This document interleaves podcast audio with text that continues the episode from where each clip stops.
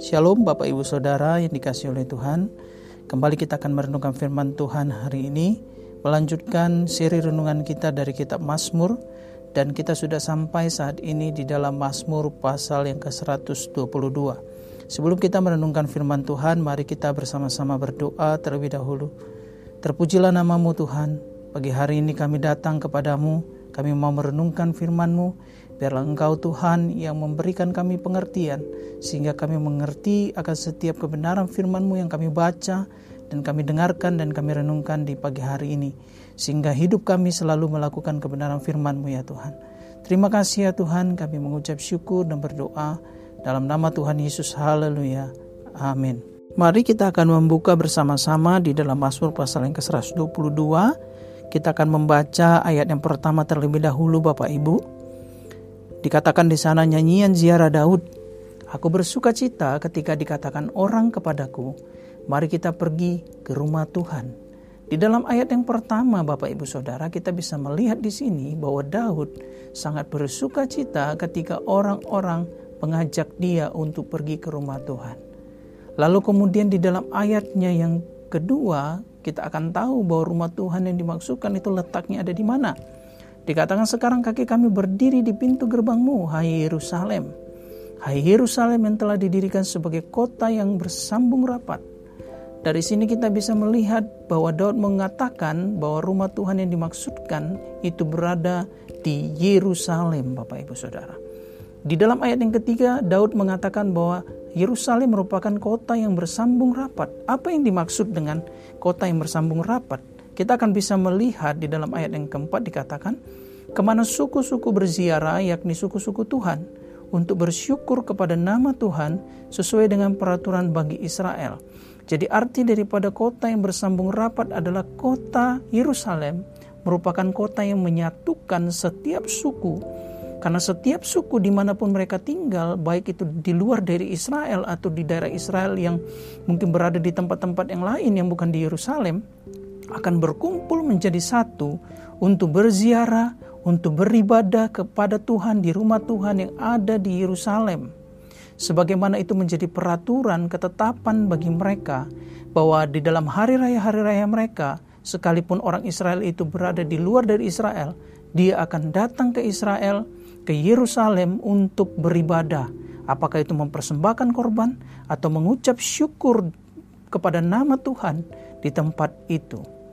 Pemasmur mengatakan dalam hal ini adalah Daud bahwa Yerusalem merupakan kota tempat beribadah, tempat Tuhan hadir, tempat rumah Tuhan hadir atau ada di sana, Bapak Ibu Saudara. Kemudian di dalam ayatnya yang kelima, Daud mengatakan lebih lanjut lagi bahwa di Yerusalem itu bukan hanya tempat beribadah, tetapi di sana juga akan ada tempat di mana akan menjadi bukti bahwa Tuhan memilih dia, Tuhan menegakkan kerajaannya.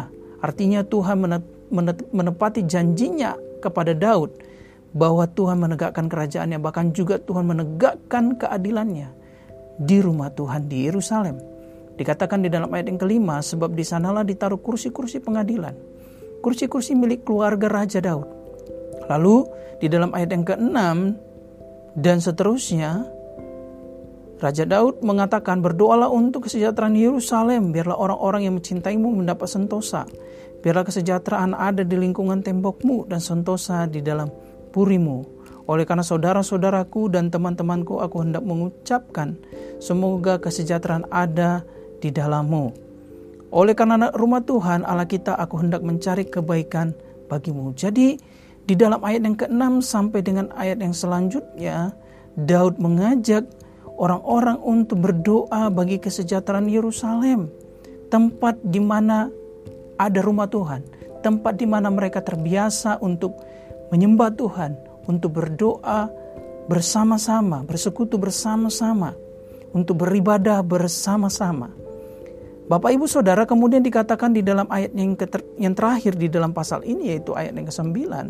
Oleh karena rumah Tuhan Allah kita aku hendak mencari kebaikan bagimu Dari sini kita bisa melihat bahwa Daud mengakui di Yerusalem di rumah Tuhanlah kita bisa beribadah, kita bisa memanggil namanya dan kita bisa berdoa bagi kesejahteraan kota di mana rumah Tuhan ada atau tempat kita, bagi saudara-saudara kita dan juga kita bisa mencari keadilan di sana, bahkan juga kita bisa mencari hal-hal yang baik akan kita temukan di rumah Tuhan di Yerusalem.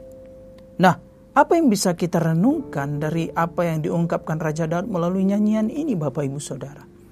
Yang pertama Bapak Ibu Saudara, kita bisa belajar dan merenungkan dan bertanya dalam diri kita, apakah kita seperti Daud yang begitu antusias, yang begitu semangat, yang begitu senang sekali untuk beribadah di rumah Tuhan?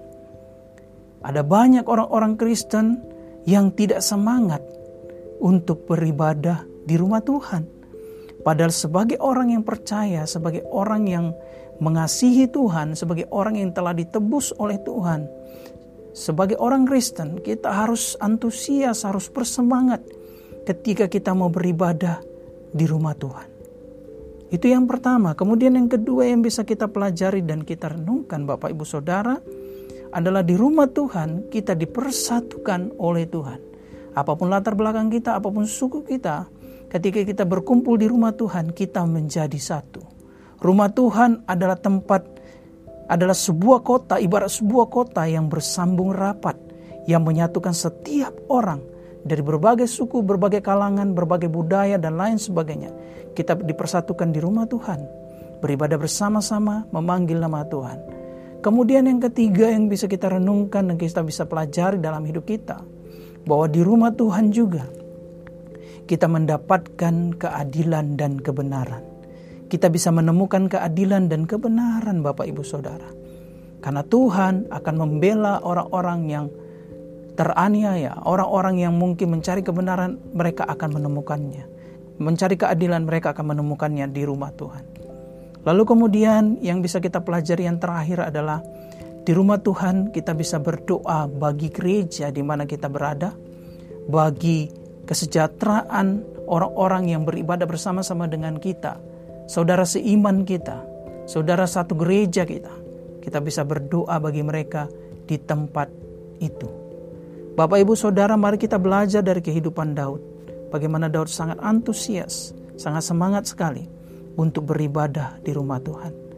Demikianlah kita harusnya juga semangat untuk beribadah di rumah Tuhan. Amin Bapak Ibu Saudara. Mari kita mengakhiri renungan ini dengan berdoa.